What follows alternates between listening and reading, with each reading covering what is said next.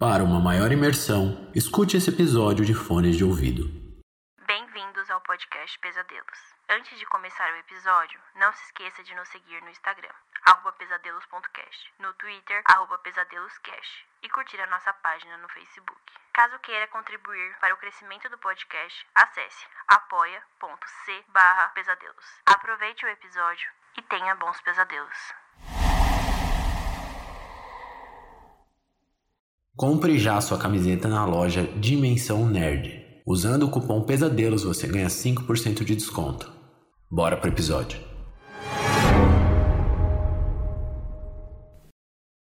Vozes por William Camargo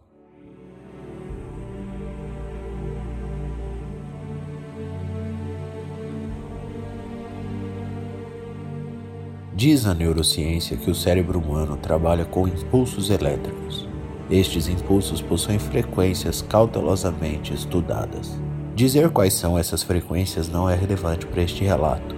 No entanto, é importante que você saiba como o cérebro funciona. O caso que relatarei é de um paciente que tratei há quase 15 anos. Seu nome era Alan, pois faleceu naquele mesmo ano em que o tratei, sem sucesso, é claro. Fui psicólogo especialista em neuropsicologia minha formação não é relevante para a credulidade deste depoimento, mas é de extrema importância que fique claro que sempre fui um homem cético. Alan me procurou no início do ano. Ele chegou até o consultório e conversamos bastante a respeito de seus problemas. Mas claramente ele estava escondendo algo. Com o passar das semanas, fui ganhando sua confiança e enfim ele me contou.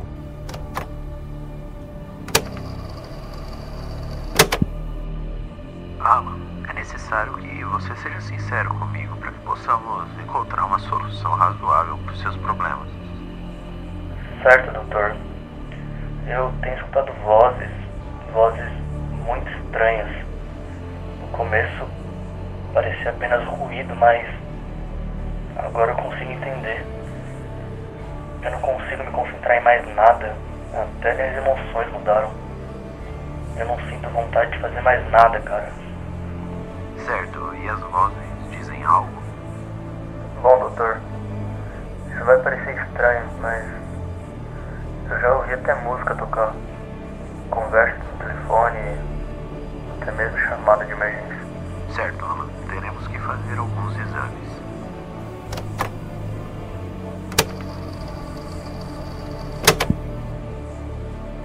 Naquele dia, eu já tinha uma hipótese, obviamente, esquizofrenia afastamento familiar, alucinações auditivas, dificuldade para dormir, enfim.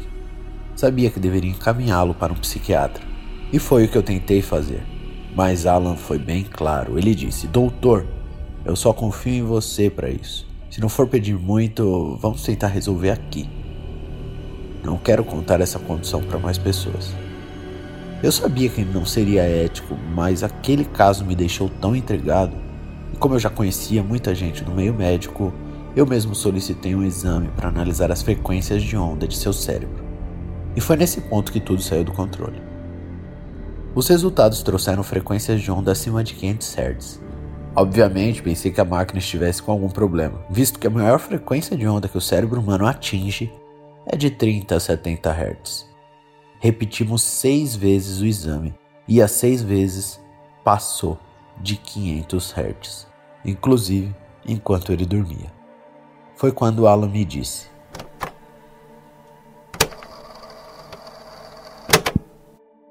Quando as vozes começaram, Alan? Doutor, foi depois de uma tempestade. Eu estava no meu quarto de fone de ouvido assistindo um vídeo.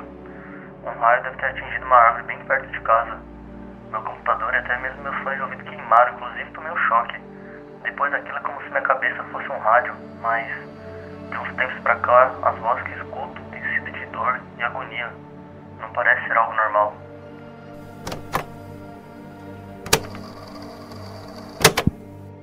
Era como se Alan tivesse de fato se transformado em um rádio, mas como cético não poderia acreditar em tal fato.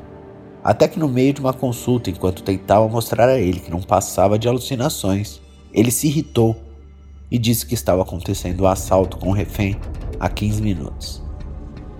E nós estávamos em consulta há pelo menos 40 minutos. Ele insistiu para que eu ligasse a TV e quando liguei. Nossos repórteres vão acompanhando toda a região cercada hoje. Toda a região cercada são Realmente estava acontecendo. E como se não bastasse, Alan disse: O Manchester fez um gol, doutor. Quando eu troquei de canal,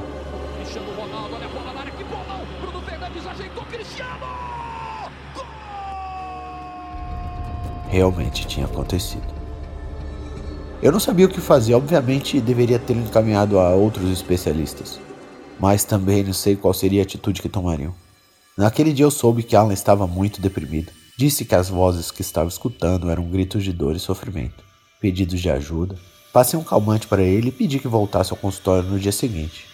E foi quando este caso me fez largar a profissão.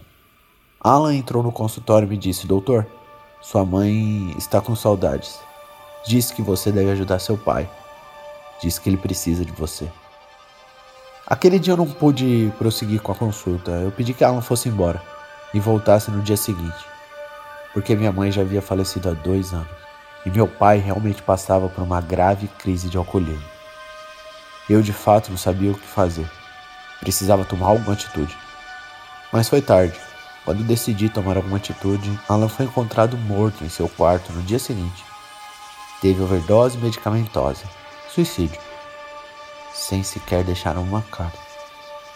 Até hoje o caso me assombra. Alan foi capaz de sintonizar-se a canais de rádio, TV e de alguma forma com a minha falecida mãe. Só a ideia de imaginar onde a mente de Alan sintonizou-se no dia que ele cometeu suicídio, eu sinto calafrios.